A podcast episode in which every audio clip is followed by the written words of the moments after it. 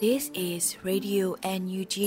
the voice of National Unity Government of Myanmar, broadcasting for Myanmar's Spring Revolution. Radio NUG is transmitting from shortwave 16 meter 17.79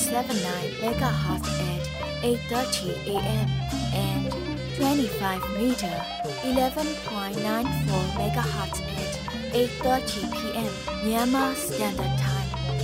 မင်္ဂလာပါရှင်အမျိုးသားညီညွတ်ရေးအစိုးရရဲ့အတန်လွတ်ဌာန Radio NUG ကိုမန္တပိုင်း၈နိုင်ခွဲမှာလိုင်းတူ6မီတာ19.3ခွန်ကုန်းမဂါဟတ်စ်နဲ့ညပိုင်း၈နိုင်ခွဲမှာလိုင်းတူ25မီတာ17.3ကိုလီမဂါဟတ်စ်တို့မှာဓာတ်ရိုက်ဖမ်းယူနားဆင်နိုင်ပါပြီရှင်မင်္ဂလာအပေါင်းနဲ့ပြည့်စုံကြပါစေအခုချိန်ကစပြီး Radio NUG စီစဉ်လေးကိုဓာတ်ရိုက်အတန်လွှင့်ပေးနေပါပြီ မြန်မာနိုင်ငံသူနိုင်ငံသားအပေါင်းတဘာဝပေးဆရာနာရှင်တို့ကနေကင်းဝေးပြီးကိုစိတ်နှစ်ပါးဘေးကင်းလုံခြုံကြပါစေလို့ရေဒီယိုအန်ယူဂျီဖွယ်သားများကဆုတောင်းမြတ်တာပို့သလိုက်ရပါတယ်။အခုချိန်ကစပြီးကာကွယ်ရေးဝန်ကြီးဌာနရဲ့စီရေးသတင်းချင်းချုပ်ကိုတော့လူဦးလင်ကမှဖတ်ကြားတင်ပြပေးပါရမရှင်။ ကာကွယ်ဝင်ကြီးဌာနအမျိုးသားညီညွတ်ရေးဆိုရမှာဩဂတ်စ်လ22ရက်နေ့2022ခုနှစ်ထုတ်ဝေတဲ့စစ်ရေးသတင်းချင်းချုပ်ကိုတင်ဆက်ပေးတော့မှာဖြစ်ပါတယ်။စစ်ကောင်စီတပ်သား2ဦးသေဆုံးပြီးဒဏ်ရာရရှိသူအရေအတွက်ကိုစုံစမ်းလျက်ရှိကြောင်းသတင်းရရှိပါရခင်ဗျာ။စစ်ကောင်စီနဲ့တိုက်ပွဲဖြစ်ပွားမှုသတင်းတွေကိုတင်ဆက်ပေးကြပါမယ်။ကီနီကယားပြည်နယ်မှာဩဂတ်စ်လ20ရက်နေ့မနက်9:30မိနစ်အချိန်ခန့်ကဒီမော့ဆိုမြို့နယ် ဝေတောင်ရွာတိတ်ကျွော်ရှိဘက်သို့စစ်ကြောင်းထိုးလာတဲ့စစ်ကောင်စီတပ်နဲ့ DMO Local PDF KNDF B19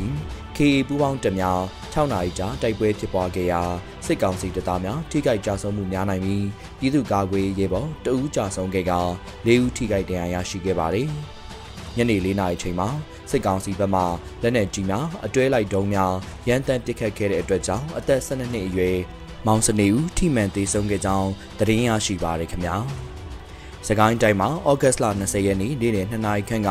ရွှေဘိုမြို့နယ်ပယံကျွော်ရှိစစ်ကောင်စီတပ်သားနဲ့ပြူစောတီများလိတ်ချင်းကျွော်အနောက်ဘက်သို့ကင်းလှည့်ထွက်လာစဉ်တိုက်နယ်ပကဖအဖွဲ့ဝန်ဒီအဖွဲ့တို့မှပူးပေါင်း၍အဝေးထိန်မိုင်းနဲ့ဖောက်ခွဲတိုက်ခိုက်ခဲ့ရာပြူစောတီနှုတ်တေဆုံးခဲ့ကြောင်းသတင်းရရှိပါရခင်ဗျာ။မကွေးတိုင်းမှာဩဂတ်စ်လ22ရက်နေ့မနက်9:00နာရီခန့်ကကံကောမြို့နယ် မင်းရွာရဲစကန်တတာအတိုင်းမြစ်နောက်ဖက်ခြမ်းသို့ထွက်လာတဲ့အင်အား60ပါစစ်ကောင်စီစစ်ကြောင်းအားဒေသကာကွယ်တပ်ဖွဲ့မှစီးနင်းတိုက်ခိုက်ခဲ့ကြောင်းသတင်းရရှိပါရခင်ဗျာဆလဘီစစ်ကောင်စီကကျူးလွန်တဲ့ရာဇဝမှုတွေကိုတင်ဆက်ပေးခြင်းပါတယ်။ မွန်ပြည်နယ်မှာဩဂတ်စ်လ20ရက်နေ့ကရေးမြို့နယ်မြို့ပေါ်ရက်ွက်တချို့မှာယခုရက်ပိုင်းလုံခြုံရေးယူနေတဲ့စစ်ကောင်စီတပ်ဖွဲ့ဝင်များကဒေသခံတချို့အားမတင်ကားမှုနဲ့ခေါ်ယူရိုက်နှက်မှုများစစ်ဆေးမှုများပြုလုပ်နေကြောင်းသတင်းရရှိပါရခင်ဗျာရန်ကုန်တိုင်းမှာဩဂတ်စ်လ20ရက်နေ့ကမယန်းကုန်းမြို့နယ်တရက်ကွက်ကိုစစ်ကောင်စီဖွဲ့ဝင်များကအင်အားအများပြားနဲ့ဝင်ရောက်ခဲ့ပြီးလူငယ်၃ထက်မင်းကိုဖမ်းဆီးခဲ့ကြောင်းသတင်းရရှိပါရခင်ဗျာ။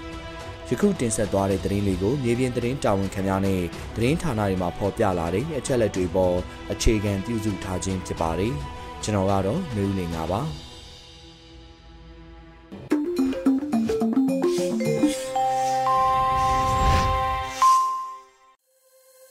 ရေဒီယိုအန်ယူဂျီရဲ့မနက်ခင်းစီစဉ်တွေကိုဆက်လက်တင်ပြနေပါတယ်။အခုတစ်ခါနောက်ဆုံးရသတင်းများကိုຫນွေဦးမှုမှဖတ်ကြားတင်ပြပေးပါမယ်ရှင်။ မင်္ဂလာပါရှင်ခုချိန်ကစပြီးတော့နောက်ဆုံးရပြည်တွင်းသတင်းတွေကိုတင်ဆက်ပေးသွားမှာပဲဖြစ်ပါတယ်ကျွန်မကတော့ຫນွေဦးမုံပါအမေလက်ဆောင်အမေရတောင်ကမ်ပိန်းမှရရှိလာမယ့်အလှငွေများကိုမီးရှို့ရန်ခန့်ပြည်သူများအတွက်နေအိမ်များပြန်လည်တိစောက်ပေးမယ်လို့ပြည်ထောင်စုဝန်ကြီးဒေါက်တာဝင်းမြတ်အေးပြောကြားလိုက်တဲ့သတင်းကိုဥစွာတင်ဆက်ပေးပါမယ်အမေလက်ဆောင်အမေရတောင်ကမ်ပိန်းမှရရှိလာမယ့်လူငွေတွေကိုမီးရှို့ခံပြည်သူများအတွက် နေအိမ်များပြန်လည်တိစောက်ပေးမယ်လို့ပြည်ထောင်စုဝန်ကြီးဒေါက်တာဝင်းမြတ်အေးကပြောကြားပါတယ်။လူသားချင်းစာနာထောက်ထားရေးနဲ့ဘေးရန်ရဲ့ဆိုင်ရာစီမံခန့်ခွဲဝန်ကြီးဌာနမှဝန်ကြီးဒေါက်တာဝင်းမြတ်အေးမှအမေလက်ဆောင်အမေရတောင်ကမ်ပိန်းမှာရရှိလာမယ့်အလူငွေတွေကိုတုံးချမဲ့အစည်းအဝေးကိုအောက်ဂလအတွင်းမှာပြောကြားခဲ့တာပါ။မိမိတို့ရဲ့အိုးအိမ်တွေကိုအများဆုံးမိရှုခံရတဲ့စကိုင်းမခွေးချင်းနဲ့ကရင်နီပေါ့ဒီဒေသမှာရှိတဲ့ပြည်သူတွေစီအထောက်ပံ့တွေရအောင်ထောက်ပံ့မှာဖြစ်ပါတယ်။ကြိုတင်စီရင်ကောက်ရလို့ပြီးခဲ့တဲ့လလယ်ထိပေါ့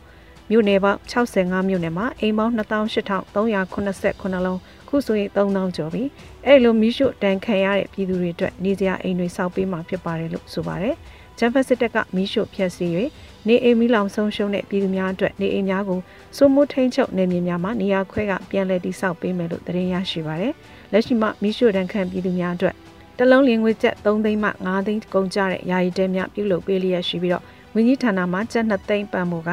လိုအပ်ငွေများကိုပြည်သူများလှူဒန်းငွေနဲ့တိစောက်ပေးလျက်ရှိပါတယ်ရှင်။စစ်ကောင်စီအင်အားတော်တော်ချိနေနေပြီဖြစ်လို့တော်လန်အင်အားစုများသွေးမကွဲဖို့လိုတယ်လို့ဒူဝင်ကြီးဒေါက်တာဆိုင်းခိုင်မျိုးထွန်းဆိုလိုက်တဲ့တဲ့ရင်ကိုလည်းဆက်လက်တင်ဆက်ပေးကြပါမယ်။စစ်ကောင်စီအင်အားတော်တော်ချိနေနေပြီဖြစ်တာကြောင့်တော်လန်အင်အားစုများသွေးမကွဲဖို့လိုတယ်လို့ဒူဝင်ကြီးဒေါက်တာဆိုင်းခိုင်မျိုးထွန်းကဆိုပါတယ်။အခုလအတွင်းလူမှုကွန်ရက်စာမျက်နှာမှာပညာရေးဒူဝင်ကြီးဒေါက်တာဆိုင်းခိုင်မျိုးထွန်းကရေးသားပြောကြားတာပါ။တကယ်တော့သူတို့တော်တော်ချိနေနေပါပြီ ကျွန်တော်တို့ကအချင်းချင်းသွေးကွဲစေနိုင်တဲ့သွေးခွဲမှုကိုဖြစ်စေတဲ့အရာကိုတက်နိုင်ဆုံးရှောင်ဖို့လိုပါတယ်ကျွန်တော်တို့ဆက်လက်ညီညွတ်ပြီးခိုင်ခိုင်မာမာနဲ့တိဆောက်သွားကြရင်သူတို့ဒူးထောက်လက်မြောက်ရမယ့်အချိန်ကိုပိုပြီးမြင်မြင်ရောက်သွားစေမှာဖြစ်ပါတယ်လို့ဆိုပါတယ်လက်ရှိမှာစစ်ကောင်စီတပ်များဟာစကိုင်းတိုင်းမကွေးတိုင်းနဲ့ကင်းဒီဒေသကင်းပြည်နယ်တို့မှာအထိနာကြဆုံးလျက်ရှိပြီးတော့လေကြောင်းပစ်ကူနဲ့မြေပြင်စစ်ကြောင်းထိုးနေရပါတယ်ရှင်လက်နက်များနဲ့အတူစီရီယံဝင်ရောက်ပူးပေါင်းလာတဲ့တပ်သား2ဦးကို NUG ဆိုရမှထောက်ပံ့ပေးရတဲ့အကုန်ပြုငွေများပေးအပ်ချီးမြှင့်ခဲ့တဲ့သတင်းကိုလည်းတင်ဆက်ပေးပါမယ်။လက်နက်များနဲ့အတူစီရီယံဝင်ရောက်ပူးပေါင်းလာတဲ့တပ်သား2ဦးကို NUG အစိုးရကထောက်ပံ့ပေးတဲ့ဂုဏ်ပြုငွေများကိုချီးမြှင့်ပေးခဲ့တယ်လို့သတင်းရရှိပါတယ်။အခုလတွင်မှာပြည်သူ့ပန်းတိုင်းကလက်နက်နဲ့စီရီယံဝင်ရောက်လာတဲ့စစ်ကောင်စီတပ်သား2ဦးသတင်းကိုထုတ်ပြန်ခဲ့တာပါ။ကင်းပြည်နယ်မြောက်ရီဝေါ်လေးဒေသတလျှောက်ထိုးစစ်ဆင်နေတဲ့စစ်ကောင်စီတပ်မှတပ်သား2ဦးဟာလက်နက်3လက်နဲ့အတူစီရီယံပြုတ်လုပ်ပြီးတော့ကရင်မျိုးသားကာကွယ်ရေးတပ် KNDO တို့ ပူးပေါင်းဝင်ရောက်လာကြောင်းပြည်သူ့ပန်းနိုင်တို့သတင်းပေးပို့လာပါတယ်။စစ်ကောင်စီစအားရ934အင်ဂျင်နီယာတပ်မှတပ်သားအောင်အောင်နဲ့ခလာရနှင့်ခွန်ကခြေလျင်တပ်မှတပ်သားအာကာမင်းတို့နှစ်ဦးဟာ MA1 နှစ်လက် MA3 တစ်လက် KNG အမြောက်များနဲ့တူစီရီယံပြုတ်လို့ကပြီးခဲ့တဲ့ ဇူလိုင်လအတွင်း KMDO တို့ပူးပေါင်းဆက်သွယ်ဝင်ရောက်လာခဲ့ခြင်းဖြစ်ပါတယ်လို့ဆိုပါတယ်။လက်နက်များနဲ့အတူစီရီယံဝင်ရောက်ပူးပေါင်းလာတဲ့တပ်သားနှစ်ဦးကို KMDO မှနှွေးထွေးစွာကြိုးစုဂုဏ်ပြုခဲ့တယ်လို့ NUG အစိုးရမှထောက်ပံ့တဲ့ဂုဏ်ပြုငွေကိုလည်းချီးမြှင့်ပေးအပ်ခဲ့တယ်လို့ပြည်သူ့ပန်းနိုင်ကဆိုပါတယ်ရှင်။စမတ်ရုပ်တံဇလန်တို့အဖွဲ့သားများထံမှထောက်ပို့ငွေကျပ်သိန်း90ကျပ်အားမြောင်အမျိုးသမီးစစ်တီတော်ဖွဲ့လက်ခံရရှိတဲ့တဲ့ရင်ကိုလည်းဆက်လက်တင်ဆက်ပေးပါမယ်။ စမတ်ဇလန်တို့ဖွဲ့သားများထံမှထောက်ပို့ငွေကျပ်350ကျပ်ကိုမြောက်မျိုးသမီးစစ်တီတော်ဖွဲ့လက်ခံရရှိခဲ့ပါတယ်။ဩဂုတ်လတွင်မှမြောက်မျိုးသမီးစစ်တီတော်ကအတိပေးပြောဆိုလိုက်တာပါ။ပြည်ရင်းပြည်ပမှာစူပေါင်းအားနဲ့စမတ်ဇလန်တို့မှရရှိတဲ့ဒေါ်လန်ငွေများဖြင့်ကျန်းဖက်ဆီယနာရှင်တော်လေးလုပ်ငန်းများအရှိန်မြင့်ဆောင်ရွက်နိုင်ရန် M2W တို့ငွေကျပ်350တိတိပေးပို့သည်ကိုကောင်းမွန်စွာလက်ခံရရှိပါတယ်လို့ဆိုပါတယ်။ထို့အတွက်စမတ်ဇလန်တို့ဖွဲ့သားများနဲ့ဝေယူအားပေးကြည့်ရှုတဲ့ပြည်သူတဦးတယောက်ချင်းစီကိုအထူးပင်ကျေးဇူးတင်ရှိတယ်လို့ဖော်ပြပါတယ်ရှင်။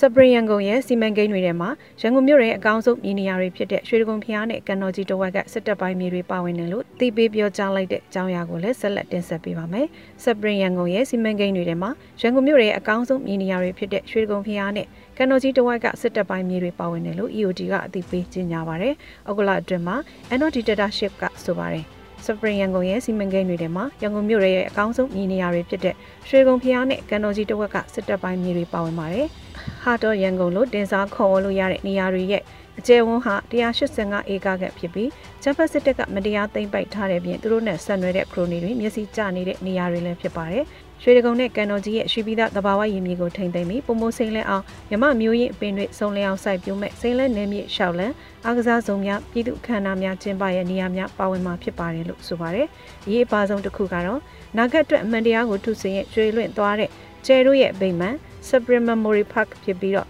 နယူးဒေါ်လင်းရေးပြတိုက်သူရဲကောင်းမော်ကွန်းနေရစတဲ့နယူးဒေါ်လင်းအောင်ပွဲအတွက်အမှတ်တရအခင်းအကျင်းတွေပါဝင်မှာဖြစ်ပါတယ်။ပါသည့်တဲ့အရာတွေနဲ့အကောင့်ထည့်ဖော်မဲ့အရာတွေကို ပြည်သူတွေရဲ့အကြံဉာဏ်ရယူမယ်လို့သတင်းရရှိပါတယ်ရှင်။ဝေဟင်ကနေပြန်တမ်းမှု Project Skywalk ရဲ့ Skywalker တွေကဟန်ချက်ညီညီနဲ့ဆင်းသစ်ဖြစ်နေပြီလို့ဆိုတဲ့သတင်းကိုလည်းတင်ဆက်ပေးပါအောင်မယ်။ဝေဟင်ကနေပြန်တမ်းမှု Project Skywalk ရဲ့ Skywalker တွေကဟန်ချက်ညီညီနဲ့ဆင်းသစ်ဖြစ်နေပြီလို့ဆိုပါတယ်။အခုလအတွင်းမှာ Project Skywalk ကအသိပေးပါတယ်။ခုဆိုရင်ဝေဟင်ကနေ Federal Democracy နဲ့လွတ်လပ်ခြင်းစီကိုဦးတည်ပြန်တမ်းဖို့ Project Skywalk ရဲ့ Skywalker တွေကဟန်ချက်ညီညီနဲ့အစင်းသစ်ဖြစ်နေပါပြီ။ရွေရပန်းနိုင်စီအရှိန်ပြင်းပြင်းနဲ့တော်လှန်ပြန်ဝဲပြီးရောက်သွားနိုင်ဖို့ Project Skywalk ကိုရက်ချေမပြတ်စောင့်ကြည့်ရင်အားဖြည့်ထောက်ကူပေးကြဖို့ဖိတ်ခေါ်လိုက်ပါတယ်လို့ဆိုထားပါတယ်။ Project Skywalk မှာ drone မောင်းတဲ့ရဲဘော်တွေကို Skywalker အနေနဲ့သုံးနှုန်းထားပါတယ်။ဒီပညာရဲ့ဖွံ့ဖြိုးတိုးတက်လာတဲ့အသွင်သဏ္ဍာန်နဲ့တော်လိုင်းမှာကြာရနေရကပါဝင်နေကြတဲ့ disable တွေကိုဂုဏ်ပြုပြီး Skywalker character ကိုစက်ရုပ်ခြေလက်တွေနဲ့ပုံဖော်ထားတာဖြစ်ပါတယ်။ စစ်ကောင်စီတပ်များဟာလက်ရှိမှာ drone နဲ့တိုက်ခိုက်ခံရမှုကြောင့်လည်းထိခိုက်သေးဆုံးနေကြပါတယ်ရှင်။ YDF PM အဖွဲ့မှပြစ်စင်မော့တင်ပစ်တဲ့ rocket ကိုထုတ်လုပ်အောင်မြင်ပြီးနောက်ပိုင်း P2 AB2 လက်နက်ကြီးထပ်မံထုတ်လုပ်တဲ့တဲ့ရင်ကိုလည်းဆက်လက်တင်ဆက်ပေးပါမယ်။ YDF PM အဖွဲ့မှပြစ်စင်မော့တင်ပစ်တဲ့ rocket ကိုထုတ်လုပ်အောင်မြင်ပြီးနောက်ပိုင်းမှာ P2 AP2 လက်နက်ကြီးထပ်မံထုတ်လုပ်ခဲ့ပါတယ်။အခုလတွင်မှာ YDF PM ကအသိပေးပြောကြားပါတယ်။ငင်းချင်းရဲ့အတွက်တိုက်ပွဲရှိတယ်လို့တိုက်ပွဲအတွက်ထုတ်လုပ်ရရှိတယ်။ထုတ်လုပ်မှုတွေကတဖြည်းဖြည်းအရှိန်နဲ့ရလာခဲ့ပါပြီ။ပထမဆုံးပခုံးထက် RPG အစားတို့နောက်ပွင့်ပခုံးထက်လောက်ကြ battery နဲ့စတင်မိတ်ဆက်ပြီးမှ P1 ဆိုပြီးပြစ်စင်မော့တင်ပစ်တဲ့ rocket ကိုထုတ်လုပ်ခဲ့ပါတယ်။ခုနောက်ထပ်စတင်မိတ်ဆက်ရမှာကတော့ Amazing P2 AP2 ပဲဖြစ်ပါတယ်လို့ဆိုပါတယ်။အဆိုပါအသစ်ထုတ်လုပ်လိုက်တဲ့လက်နက်ကြီး စမ်းသက်ပစ်ခတ်တဲ့ရုပ်သံဖိုင်ကိုလည်းမကြာမီဖော်ပြမယ်လို့ဆိုပါတယ်ရှင်။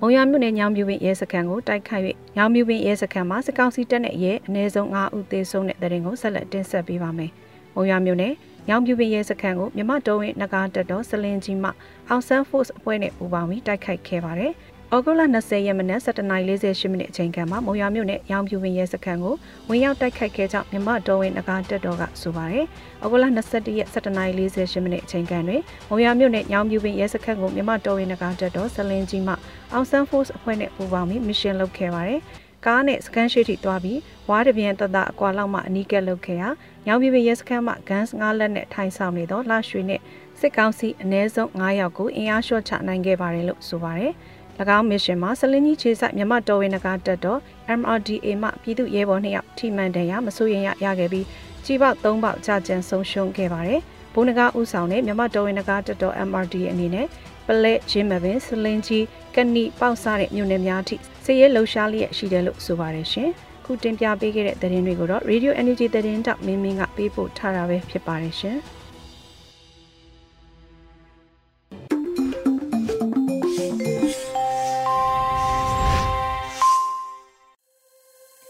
ရေဒီယိုညူချီပရိသတ်တွေအတွက်ကူးဆက်လက်ပြီးထုတ်လွှင့်ပေးမှာကတော့ဆရာနာရှင်ပေါ်တော်လှန်ခြင်းစိတ်ကိုအရှိန်မြင့်ပေးကြပါလို့အမည်ရတဲ့သခင်အန်ရဲ့ဆောင်းပါးကိုနားဆင်ကြရမှာဖြစ်ပါတယ်ရှင်။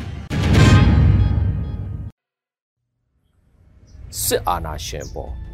တော်လှန်ခြင်းစိတ်ကိုအရှိန်မြင့်ပေးကြပါ။ယခုရဲ့ရှစ်လေးလုံး34နှစ်ပြည့်အထိမ်းအမှတ်2မိနစ်စာပူဇော်တစ်ခုကိုတွေ့ကြပါ အကြမ်းဖက်စစ်တပ်ကိုလူ၄ယောက်ထီလေးချောင်းနဲ့စစ်အာဏာရှင်တော်လှန်ရေးကိုလှုပ်ပြခဲ့တယ်ဒီပြကွက်တီဟာပြည်သူတန်း40ကျော်ကိုပူစားပြုတ်နိုင်ခဲ့တယ်ကဘာကျော်လူလူအရေးတော်ပုံဖြစ်ခဲ့ပါတယ်စစ်အင်အား၄သိန်းကျော်၅သိန်းနီးပါးရှိပါတယ်ဆိုတဲ့အကြမ်းဖက်စစ်တပ်ကိုလူလေးဦးထီလေးချောင်းနဲ့မရွတ်တွေးစွပ်ပြီး တောက်ခွက်ဖြတ်ကန်ခဲ့တဲ့ထီးသပိတ်တော်လှန်ရေးလည်းဖြစ်ခဲ့ပါတယ်။ဒါ့အပြင်ပြည်သူလူထုနဲ့တော်လှန်ရေးစီနီယာကြီးအချို့တွေ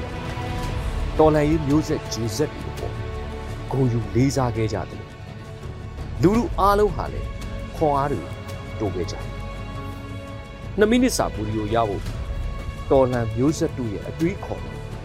စိတ်ကူးအိုင်ဒီယာဟာစစ်မိတ်စာတွေဖို့တော့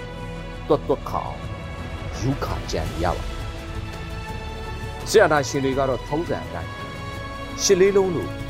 နိုင်ငံရေးနဲ့ပတ်သက်တဲ့နှစ်ပတ်လည်နေ့ရက်တွေရောက်လာပြည်သူတွေလမ်းမထက်မှာဆန္ဒပြတော်လှန်မှုတွေနိုင်ငံရေးခမ်းနားတွေမလုပ်နိုင်လုံခြုံရေးတွေအများပြားချလို့ရှိဆန္ဒပြပွဲလုပ်နိုင်တဲ့နေရာတွေနိုင်ငံရေးခမ်းနားပွဲလုပ်နိုင်တဲ့စုရက်တွေနီလန်မျိုးစုံစုံစမ်းထောက်လန်းလို့ ကြိုတင်တားမြစ်မှုတွေလုပ်ဒါသူတို့လုံလို့လုပ်စင်စစ်ကောင်စီကသူတို့တွေးနေကြလမ်းဟောင်းပုံစံတွေလောက်ပဲတွေးတတ်တဲ့ခပ်ပိမ့်ပိမ့်ဒီအတွေးတွေကိုမိမိတို့တော်လန်မျိုးဆက်တွေကသိနေတော့အကျန်းဖက်တွေမတွေးတတ်တဲ့တော်လန်ကြီးပုံစံစိတ်ကူးတဲ့နဲ့ထီးသပိတ်ကိုပုံပေါ်ခဲ့ကြတယ်ဒီလောက်ကတော့ဂျေဇက်တွေအဖို့အင်တာနက် proxy ကြော်ရခွရတာလားဘယ်ခက်ပါ အตาလေးပေါ့ဟာဟာဒီຫນွေဦးတော်လန်ကြီးဆိုတာတော်လန်မျိုးဆက်ဂျေဆက်လူငယ်တွေရဲ့လက်ထဲမှာအပြည့်ရှိတယ်ပုံစံမျိုးစုံနဲ့ရှိဥပမာမိမိတို့အားလုံးလုပ်ခဲ့ကြတယ်တန်ဖုံးတီးတာအတန်တိတ်တပိတ်လို့ဆိုတယ်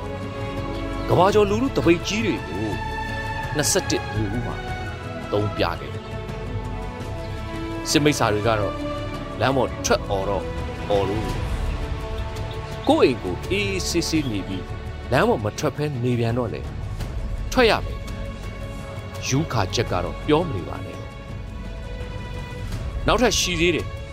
စန္ဒပြပွဲတွေလမ်းမတွေကလုံမှာစိုးတော့လမ်းစုံလမ်းကွာတွေမှာဘန်ကားတွေစောက်လက်နဲ့အပြည့်စုံနဲ့လုံခြုံရေးလှုပ်ထားပြန်တော့ရန်ကုန်မြို့မှာရက်ပေါင်း900ကျော်ဘယ်နည်းကများ စန္ဒပြဖို့ရက်ခဲ့တာရှိလို့မိမိတို့တော်လှန်မျိုးဆက်ရဲ့နေ့စဉ်တရက်မပြတ်အောင်လမ်းမချက်မှာကျွေးကြော်သားတွေဟာနေ့စဉ်ရှိနေခဲ့ပါဒီကြားထဲသူတို့စောက်တဲ့ဘန်ကားတဲ့တခါတလေနန္နာတီးတောင်တွေးလိုက်ပြီထားတော့ပြောချင်တာကဒေါ်လာရေးဆိုတာ လူသက်အကြမ်းဖက်အာဏာရှင်တွေထင်နေကြနီလန်းမျိုးတွေမဟုတ်ဘူးစိတ်ထဲမှာတော်လန်ဂျင်စိတ်ရှိနေတယ်များအမြဲတမ်းစမ်းတစ်တဲ့ပုံစံမျိုးစုံနဲ့ဒေါ်လာရေးဟာရှိနေလိမ့်မယ်ဆိုတာစစ်မိတ်စာဘယ်တော့မှသိနိုင်မှာမဟုတ်တယ်ဘယ်တော့မှလည်းသိလာမှာမဟုတ်ပါဘူးအရေးကြီးဆုံးကမိမိတို့ပြည်သူများအနေနဲ့စစ်အာဏာရှင်ကိုတော်လန်ဂျင်စိတ်ကို အရှိန်မြင့်ခရီးဆက်တော်လန်ပေးကြပါဒါကြောင့်ဒီတော်လန်မျိုးဆက်ရဲ့ຫນွေဦးဟာအောင်ကိုအောင်ပါပါအရေးတော်ကိုမုတ်ချအောင်တခင်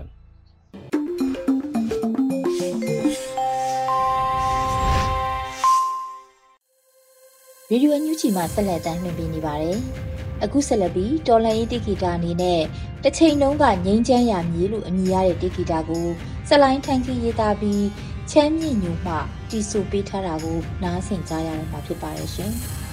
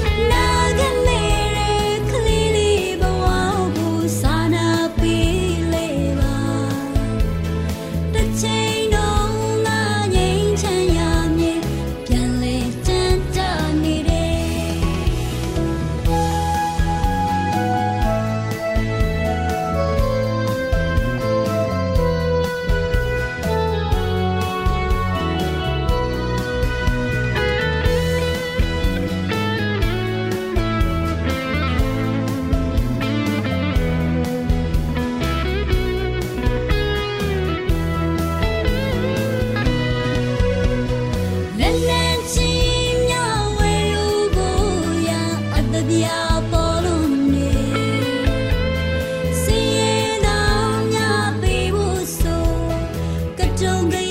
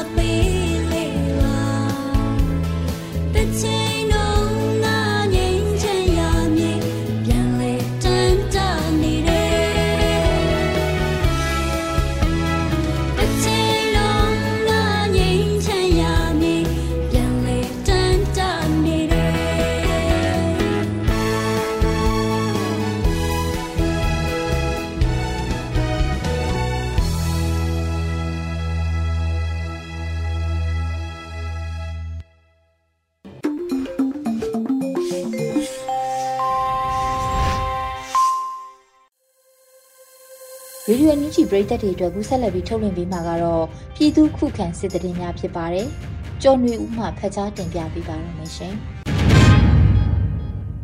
အခုအချိန်ကစပြီးတိုင်းရင်းသားညီနောင်အင်အားစုတွေပြည်သူ့ကာကွယ်တပ်မတော် PDF တပ်သားတွေနဲ့ပြည်သူလူထုတို့ရဲ့အရှိန်အဟုန်မြင့်လာတဲ့တိုက်ပွဲသတင်းတွေကိုစူးစီးတင်ဆက်ပေးသွားမှာဖြစ်ပါတယ်။ကျွန်တော်ကျော်နွေဦးပါ။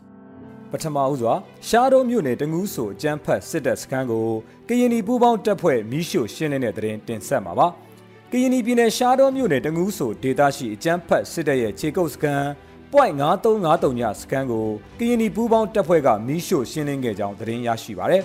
အဆိုပါတငူးဆိုစခန်းကိုကရင်ပြည်ပူးပေါင်းတပ်ဖွဲ့ကဗျူဟာမြောက်တိုက်ခိုက်ခဲ့တာကြောင့်အကြမ်းဖက်စစ်သားများစခန်းမှဆုတ်ခွာသွားသဖြင့် စခန်းကိုမီးရှို့ရှင်းလင်းခဲ့ခြင်းဖြစ်ကြောင်းကရင်နီတပ်မတော်သတင်းရင်းမြစ်ထံမှသိရှိရပါတယ်။ဩဂုတ်လ10ရက်နဲ့9ရက်မှာရှားတော်မြို့နယ်အတွင်း၌အကြမ်းဖက်စစ်တပ်နဲ့ကရင်နီပူးပေါင်းတပ်ဖွဲ့ကြားတိုက်ပွဲ9ကြိမ်ဖြစ်ပွားခဲ့ပြီးစစ်ကောင်စီဘက်မှ10ဦးသေဆုံးခဲ့ကြောင်းကရင်နီအမျိုးသားများကာကွယ်ရေးတပ် KNDF ကသတင်းထုတ်ပြန်ထားပါတယ်။တငူးဆိုစကန်ကိုကရင်နီတပ်မတော် KA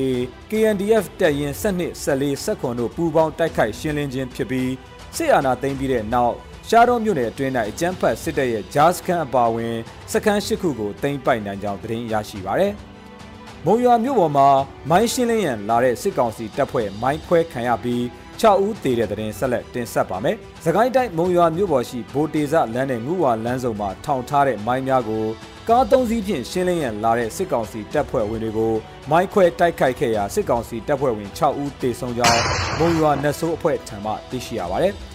အဆိုပါဖောက်ခွဲတိုက်ခိုက်မှုကိုဩဂုတ်လ20ရက်နေ့ညနေ9:00နာရီခန့်မှာမုံရွာနတ်ဆိုးအဖွဲ့မုံရွာမြို့နယ်ပကဖနဲ့ MPDF မှရဲဘော်များကပူးပေါင်းဆောင်ရွက်ခဲ့ခြင်းဖြစ်ကြောင်းသိရပါဗျ။ဆက်လက်ပြီးဝက်လက်မှာစစ်ရင်တန်းမိုင်းဆွဲခံရတဲ့တဲ့တင်ဆက်ပါမယ်။သကိုင်းတိုင်းရွှေဘိုခရိုင်ဝက်လက်မြို့နယ်မှာဩဂုတ်လ19ရက်နေ့တွင်သကိုင်းမြို့33တပ်မှရွှေဘိုဘက်သို့ထွက်လာတဲ့အကြမ်းဖက်စစ်ကောင်စီ3 တံပြားကာကာကြီးကိုစီအယ်ဖာ0ကိုလာတော့ကြေးရွာနဲ့မင်္ဂလာရေစင်ကြေးရွာအကြားမှာပရိသာမိုင်းများဖြင့်စုစုပေါင်း၄ချိန်အဝေးပြစ်ရှော့တိုက်ဒရုန်းဖြင့်တစ်ချိန်ဖောက်ခွဲတိုက်ခိုက်ခဲ့ပြီးတေဆုံးမှုနဲ့ထိခိုက်ဒဏ်ရာရရှိမှုရှိနိုင်ကြောင်းဒေတာသတင်းရင်းမြစ်ရွှေဘိုမြို့နယ်သတင်းအမှန်ပြန်ကြားရေးထံမှသတင်းထုတ်ပြန်ပါတယ်။အဆိုပါတိုက်ခိုက်မှုကိုဝက်လက်မြို့နယ်အနောက်ချမ်းရှိဒေသခံပြည်သူ့ကာကွယ်အဖွဲ့များနဲ့ကြောင်လက်သေး LPDF လင်းယုံ LPDF မြင်းဖြူရှင် LPDF ဇာမနီကြော်ကြီး LPDF ဘိုဇက်လိုက် LPDF ရောမင်းကြီး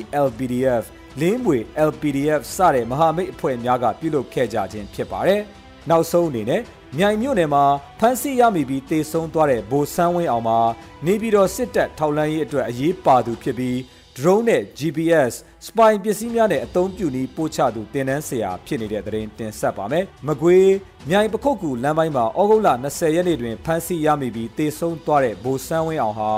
နေပြည်တော်စစ်ကောင်စီရဲ့ထောက်လှမ်းရေးအတွက်အရေးပါသူဖြစ်ပြီး drone နဲ့ GPS တင်နန်းများပို့ချသူ spy ပစ္စည်းများနဲ့တင်နန်းပို့ချသူဖြစ်ကြောင်းသိရှိရပါတယ်။ဩဂုတ်လ20ရက်နေ့မကွေးတိုင်းမှာစစ်ကောင်စီကစစ်လွတ်လိုက်တဲ့စစ်ထောက်လန်းရေးဗိုလ်ဆန်းဝင်းအောင်ကို မြိုင်ပကုတ်ကူလမ်းပိုင်းတွင်ဖမ်းဆီးရမိပြီးခုခံတာကြောင့်ပြစ်ခတ်ဖမ်းဆီးရမှတေဆုံးခဲ့ပါတယ်။တေဆုံးသူဗိုလ်ဆန်းဝင်းအောင်ဟာကြာအင်းစိတ်ကြီးအမှတ်32ခြေလင်တက်ရင်မှဖြစ်ပြီးထောက်လန်းရေး drone နဲ့ spy ပစ္စည်းများအသုံးပြုနေတင်တန်းများပို့ချနေသူဖြစ်ကြောင်းတခင်ကြီးစံ vlog အမည်ဖြင့်လူမှုကွန်ရက်တွင် page ဖွင့်ကာ drone spy ပစ္စည်းများရောင်းချခြင်းကင်မရာများရောင်းချခြင်းများလှုပ်ဆောင်နေသူဖြစ်ကြောင်းအသုံးပြုနည်းများကိုတင်နန်းပေးနေသူဖြစ်ကြောင်း၎ င်းကစစ်တပ်မှအရာရှိဖြစ်တာကိုဖုံးကွယ်ထားခဲ့ကြောင်းသိရှိရပါတယ်။ဗိုလ်ဆန်းဝင်းရောက်ဟာပြည်ဦးလင်စစ်တပ်ကတော်အပတ်စဉ်58ကျောင်းဆင်းဖြစ်ပြီး2016ခုနှစ်ဒီဇင်ဘာလတွင်ကျောင်းဆင်းခဲ့သူဖြစ်ကြောင်းသိရှိရပါတယ်။မြိုင်ပြည်သူ့ကာကွယ်တပ်ဖွဲ့ကလည်းတည်ဆုံးသူဟာစစ်ဝစ်စုံဝစ်စင်ထားတဲ့ဓာတ်ပုံပါသူမှန်ကန်ကြောင်း